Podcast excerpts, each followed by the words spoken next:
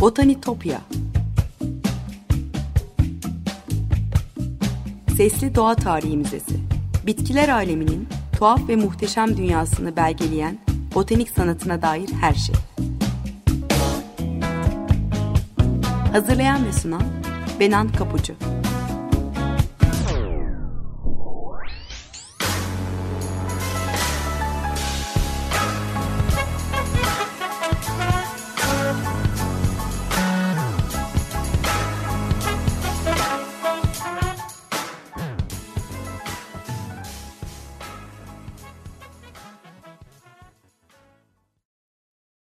Merhaba sevgili Açık Radyo dinleyicileri.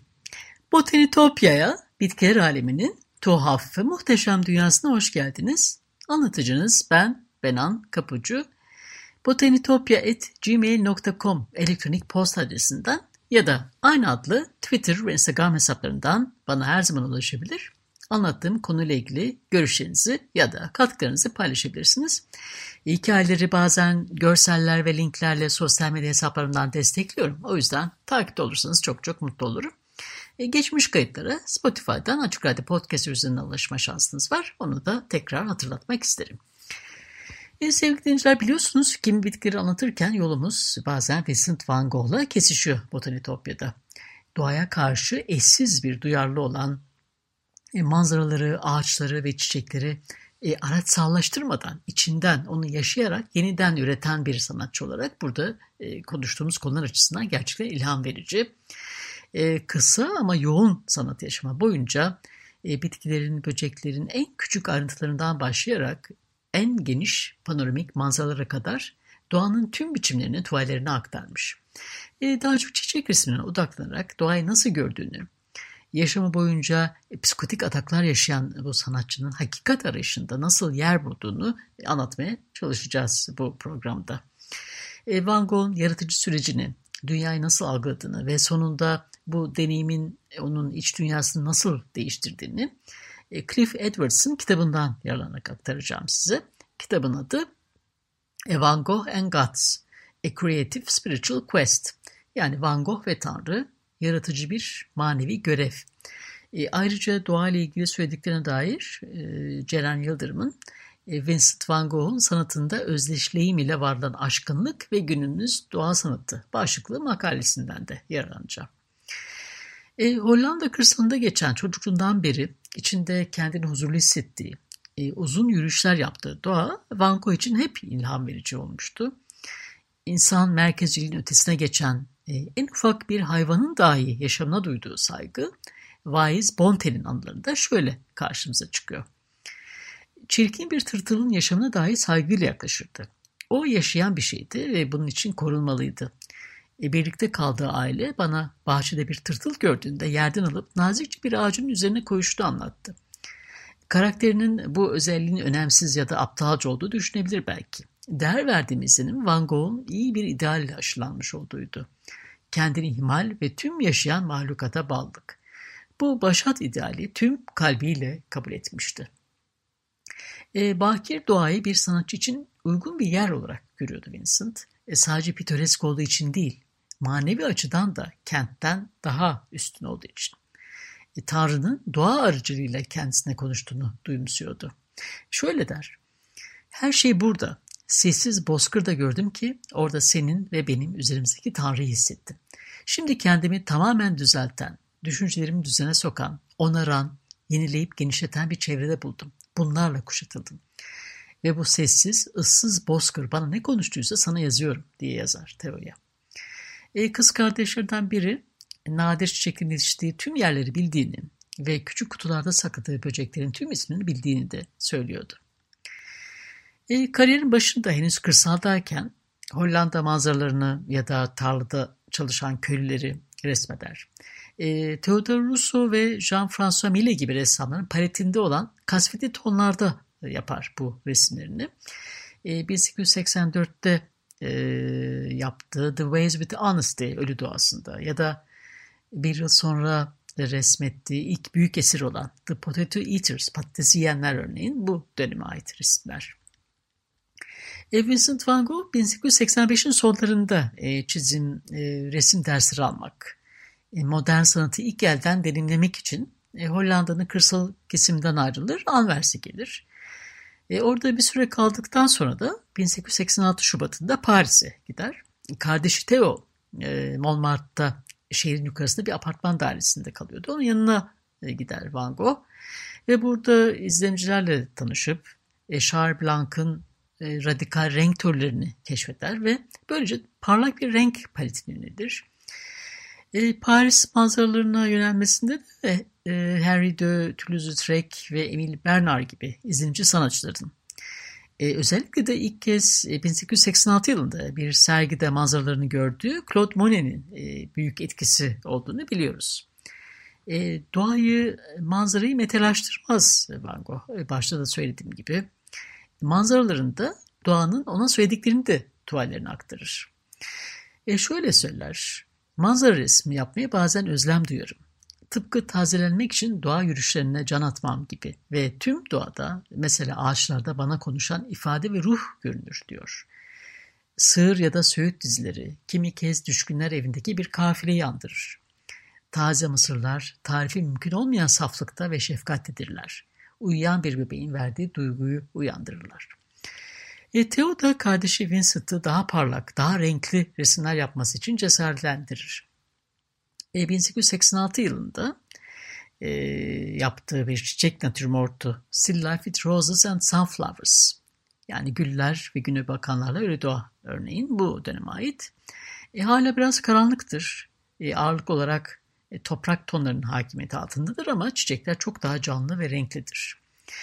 A Glass with Roses e, ve e, Ways with Carnations resiminde de örneğin e, parlak renkli çiçekler e, koyu renkte arka plan üzerinde daha da parlar.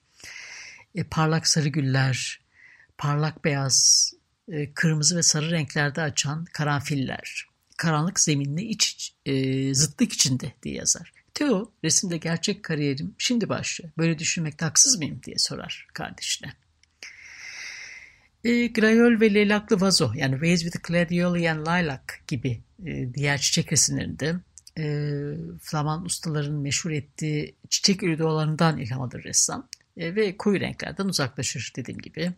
Mavi ve turuncu, kırmızı ile yeşil, sarı ve menekşe karşılıklarını kullanır. E, izlenimcilerin renk teorisini farklı bir noktaya taşır. Otoportreleri, manzaraları ve çiçek resimleri daha açık renkler, e, daha açık tonda arka planlar, daha yumuşak tonlar ve hızlı fırça darbeleri belirmeye başlar. E, Van Gogh yine Ways with Lilacs, Daisies and Anemones yani vazoda leylaklar, papatyalar ve anemonlar eseri de dahil. 1880 yılında yaptığı tüm çiçek resimlerinde çiçekler e, böyle mavi bir vazonun içinde açık mavi ve mor bir arka planla örneğin karşımıza çıkar. E, bilinçli olarak resmine renk katmaya çalıştığı bir dönemdir bu.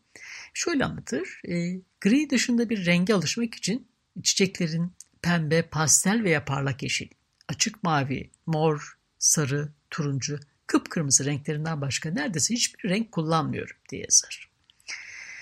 E, geleneksel Japon stille tanışmak e, yine Van Gogh'un Provence'daki ruhsal arayışını, yaşantısını ve çalışmalarını etkiler. E, Paris'te bulunduğu sırada Linklater'ın dükkanında gördüğü e, Avrupa'nın en büyük Japon baskı resim koleksiyonu e, içindeki doğa üzerine tekrar alevlendirir ve şöyle yazar. E, Japon sanatını incelediğimizde mutlaka bilge, düşünür, zeki ve vaktini ne yapacağını adamış biriyle karşılaşıyoruz. Fırça darbeleri ise hayvanları ve insanlarıyla birlikte tüm yabanı görüntüsünü sunuyor. E, tümünü gerçekleştirmek için ömrü yetmese de yaşamını buna adıyor. Bana öyle geliyor ki insan Japon sanatı çalışıyorsa mutsuz ve neşesiz olamaz. Evet böyle söyleyerek doğaya dönmesi gerektiğini, Provence'ın e, Japon atmosferine benzeyen bol güneşli doğasının onu şifalandırıp özgürleştireceğini düşünür. E, Japon baskılarındaki manzaralara sahip olabileceği tek yerde Güney'in Japonya'sı dediği Provence bölgesidir. E, Paris'te geçirdiği iki yılın ardından 20 e, Şubat 1888'de Güney Fransa'daki Arla taşınır. Hemen muazzam bir neşeyle Provence meyve bahçesini resmetmeye başladığını ve şimdiden sakin bir zihinle çalıştığını söyler mektuplarında. E, günlerini ormanda ve meyve bahçelerinde geçirir. Uzak tepelere yürüyüşler yapar. Yağmurda, fırtınada, havada resim yapar. Havalar ısındıkça mavi gökyüzünü ve parlak güneşi de mutlulukla karşılayarak yeni çevresini hemen capcanlı renklerle resmetmeye başlar. E, badem, şeftali ve kayısı çiçeklerin yanı sıra tarlaların e, kenarında yabani olarak büyüyen diğer çiçekleri, e, servi, çınar ve sedir gibi yeni tanıdığı ağaçları, e, süsen ve güne bakanlar dahil tüm gördüklerini resmeder. Kardeşi Teo'ya gözlerim burada doğaya uyum sağlıyor diye yazıyordu. E, bilime de merakı vardır. E, doğa yasalarını gözden kaçırdığını söylediği Monet'in aksine çizdiği ve resmettiği böcek türlerini anlamaya, hangisi olduğunu anlamaya çalışır. E, sanatında kendi daha çok güvendiği bir dönemdir burada ama bir yandan psikotik ataklar ve delüzyonlarda yaşamaktadır maalesef. Evet sevgili dinleyiciler bir müzik arası verelim bu noktada. Tekrar hikayemize devam edeceğiz. Clint Mansell'ın bestelediği Loving Vincent filminin müziklerinden The Yellow House dinleyelim. Birkaç dakika sonra tekrar beraber olacağız. Merhabalar tekrar. 95.0 Açık Radyosu'nuz. Van Gogh'un doğayla kurduğu derin ilişkiyi, onun eşsiz çiçek resmini konuşuyoruz. E, Arla taşındığını söylemiştim. Arla'dayken ünlü sarı evini kiralamıştır Van Gogh. E, birlikte çalışmayı düşündüğü ve hayranı olduğu ressam arkadaşı Paul Gauguin'i de e, buraya davet eder. E, Paris'te bir galeri yöneten hem kardeşin hem de Gauguin'in yapıtlarının satışını üstlenen Theo e, onun bu isteğini yerine getirmeye çalışır. E, e, geleceği belli olduktan sonra Sarı Evi onun için hazırlamak ister Van Gogh ve arkadaşının heyecanla bekleyişi bu dönemde yaptığı resimlere de yansıyor. Özellikle güne bakan resimlerini. E, Paris'te yaşarken başladığı güne bakan temasını artık olgunlaştırmıştır bu dönemde. Şöyle der, çok sıkı çalışıyorum. Bir Marsilyalı'nın balık çorbası içerken gösterdiği hevesle resim yapıyorum. Çok büyük ay çiçeklerinin yağlı boya resmini yaptığını, e, yaptığımı öğrendiğinde bu hevesime şaşmazsın herhalde diye yazıyordu Teo'ya. Arkadaşı Paul Gauguin'in evi için bir düzine onun deyimiyle sarı ve mavi üstüne bir senfoni oluşturacak güne bakan resmi yapmayı planladığını anlatmış. E, üstünde çalıştığım üç tuval var. E, birincisi açık renk bir e, geri plan üstüne e, yeşil bir vazoda üç kocaman çiçek. 15 e, numara bir tuval. İkincisi biri tohuma kaçmış, taç yapraklarını dökmüş. Biri tomurcuk halinde üç çiçek. Geri plan koyu mavi. Tuval 25 numara. Üçüncüsünde sarı bir vazoda bir düzine çiçek ve tomurcuk 30 numara tuval var. Sonuncusu Açık renk üstüne açık renk. Umarım en güzel olacak. Bu fikri gerçekleştirirsem 12 ayrı tablo olacak. Hepsi birden sarı ve mavi üstüne bir senfoni oluşturacaklar. Her sabah şafakla birlikte bunun üstüne çalışmaya başlıyorum. Çünkü çiçekler çok çabuk soluyor ve her tabloyu bir oturuşta bitirmek gerek. E, güne bakanlar e, Gauguin'e duyduğu minnettarlığı da ifade ediyordu onun için. E, onun güne bakanları e, Van Gogh'un canlılığına ve yoğunluğuna hiçbir zaman ulaşamasa da e, birçok sanatçı tarafından defalarca e, kopyalanıp evlerden galerilere her yerde sergilendi bugüne dek. E, 1889 ve 1889 yılları arasında yaptığı hiçbir güne bakan diğerine benzemez aslında. E, hepsi masa üstünde sarı bir vazoya yerleştirilmiş e, güne bakanların her biri yaşam evrelerinin farklı aşamasını yansıtıyor. Kimi tam çiçek açmış, kimi canlı, kimileri solup ölmüş güne bakanlar. E, Vase with 15 Sunflowers yani vazoda 15 güne bakan eserinde e, tam açmış çiçeğin parlak sarıları ile solmuş çiçeklerin ölüm kahverengisine bir karşılık yaratmak için kullanmış. E, güne bakanların genel düzeni değişmese de e, aynı biçimde konumlandırılmış olsa da aralarında küçük farklar var. E, çiçeklerin taç yapraklarının yoğunluğu, taç yapraklarının ortasında floretlerin sıralandığı o spiral yapıların, e, yapıların e, yeşilimsi sarıdan siyah uzanan renk farklılıkları, e, yaprakların bazen sarı bazen kahverengi olması gibi. E, güne bakanların yarısı, yanı sıra süsenler de e, biliyorsunuz Van Gogh'un en popüler eserlerinden e, biri. E, ağırdaki travmatik olayların birçok hastaneye kaldırılma ve kendine zarar verme olayından sonra 8 Mayıs 1889'da kendi isteğiyle Fransa'nın Saint-Rémy kentindeki e, akıl hastanesine yatar. E, burada kaldığı e, süre boyunca e, Yıldızlı Gece ya da Süsenler gibi en dikkat çekici e, eserlerin çoğunu içeren yaklaşık 150 e, resim çizer Van Gogh.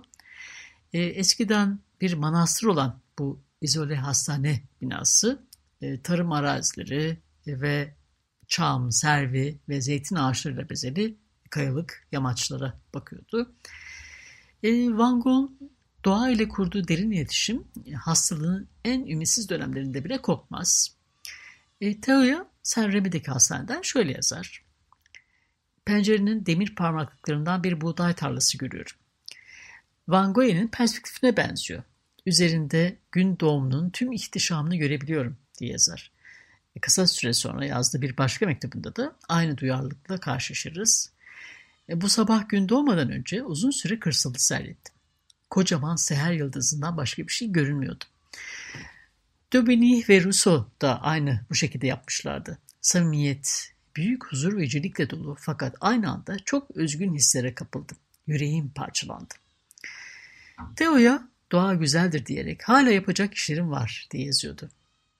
Mektupları ve çizimlerinde e, güveler ve serçeler gibi küçük canlıları, e, hatta e, papatyaları, menekşeleri ve kara indibaları da çizer, onlara atıfta bulunur. E, Hollandalıların olduğu gibi penceresinden görünen manzarayı da çizer tuvallerine. Değişen mevsimleri, yamaçları, kaya oluşumlarını, zeytin ağaçlarını ve yabani bitkileri çiziyor. Doğa karşısında onu ele geçiren duygulardan söz ediyordu. E, Süsenleri anlattığım programda da bahsetmiştim. E, Süsenler dizisine hastane girdiği ilk hafta e, Bahçe dizisindeki Süsenleri resmederek başlamıştı. Yine Japon ukiyo-e ahşap baskılarından esinlenerek e, resmin ifade gücünü pekiştiren siyah kontürler kullanmıştır Süsenler'in e, çizerken, onu betimlerken. Eseri aslında sadece zihnini dinlendiren bir egzersiz olarak düşünmüştür ama kardeşi Theo Süsenler tablosunun e, Yıldızlı Gece tablosuyla birlikte yıllık e, bir sergiye katılmasını sağlar. E, gelmiş geçmiş en değerli tablolar arasında bugün Los Angeles'taki Paul Getty Müzesi'ne sergileniyor. Van Gogh resmi yapmaya devam etmesinin kendisini devirmekten koruduğunu düşündüğü için hastalığımın paratoneri diye söz ediyordu bu eserinden. E, akıl hastanesine ayrılmadan önce Mayıs 1890 tarihinde Roses, güller resminde yapmıştı. Tamamen açmış güllerle dolu yeşil bir vazoda. E, kimi güller vazonun kenarından taşıp masanın üstüne dökülür bu resimde. E, pembe güller sarı yeşil arka plan e, zıtlık içindedir. E, güne bakanlar nasıl e, Van Gogh'un e, arkadaşı Gauguin'i ağırlarken hissettiği sevinci, mutluluğu yansıtıyorsa e, gülleri de Vincent'ın e, akıl hastanesini terk ederken duyduğu iyimserlik ve umudu yansıtıyor. E, Güne Bakan serisinde Van Gogh yaşam döngüsünün farklı evrelerini gösteriyordu ama güller için bu geçerli değil. Büyüyen, açan, e, cap canlı, hayat dolu çiçekleri göstermiştir burada. E, yeşil yapraklar ve salgı güller e, Vincent van Gogh'un hayatını yeniden başlamaya çalışırken hissettiği bir yeniden doğuşun yansımasıdır aslında. Almond Blossom, çiçek açan badem ağacı resmini de Arda hastalığı nedeniyle yaşadığı psikotik ataklardan birinin hemen öncesinde yapmıştı. İşim iyi gidiyordu diye bilgi veriyor kardeşine. E, çiçek at, açmış dallarla ilgili bu son tuvalin belki de yaptığım en iyisi olduğunu, e, daha sabırlı, daha sakin ama daha sert fırça darbeleri resmedilmiş olduğunu görebilirsiniz. Ve ertesi gün bir vahşi gibi çöküşteyim. İyilik hali ve çaresizlik hissi arasında dengesini korumaya çalışan sanatçının bu ışık ve renk cümbüşü e, teknik ustalığını da gözde görünür kılıyor. E, zaman zaman çıkmaza girse de e, muhteşem, sihirli bir şekilde resmi aktardığı iyimserliğini yansıtıyor. E, çiçek açmış badem ağaçlarının kalın ana hatları, ufuk çizgisinin olmaması, e, büyük parlak renk blokları yine Japon baskılarına olan ilgisi ve hayranlığının izlerinde taşıyor. Van Gogh sürekli ona destek veren e, şefkatli kardeşine bir hediye olarak yapmıştı bu resmi. E, Joe Bonger ile evlenen Theo'nun e, Şubat 1890'da doğan oğlu e, vaftiz babası olarak onun adını almıştı. E, bu resim Van Gogh'un onun ismini sürdürecek olan bebeğe hediyesiydi. E, parlak tomurcukları daha önce hiç bu kadar yakından görmemiş. E, ağacın gösterişli çiçeklerine daha önce hiç bu kadar renk atfetmemişti. E, insan yaşamına ve geleceğe dair bir umudun ifadesi, yeniden bir parçası olduğunu hissettiği aile hayatının bir kutlamasıydı bu aslında.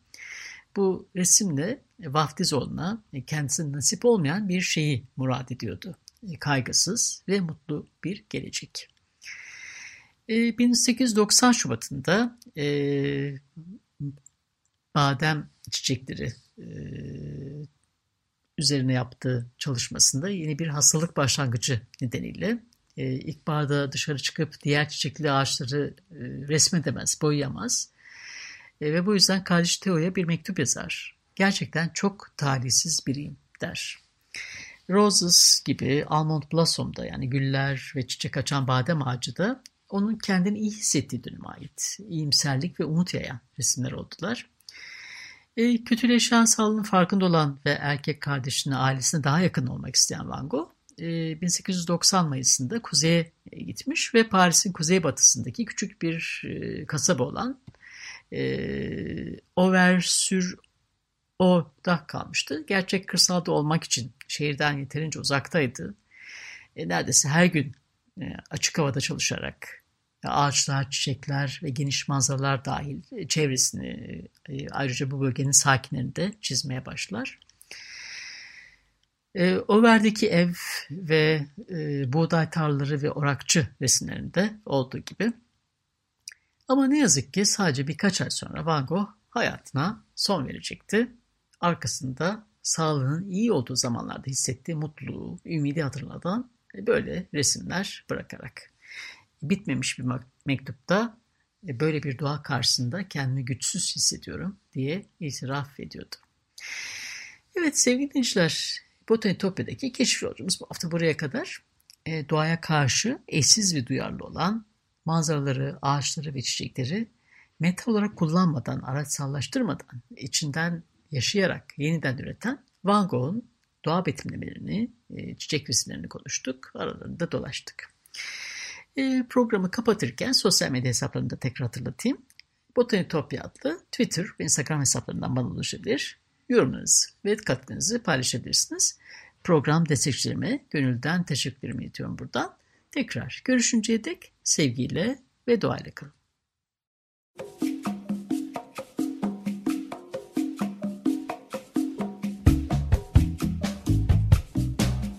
Botanitopya Sesli Doğa Tarihi Müzesi. Bitkiler aleminin tuhaf ve muhteşem dünyasını belgeleyen botanik sanatına dair her şey. Hazırlayan ve sunan Benan Kapucu.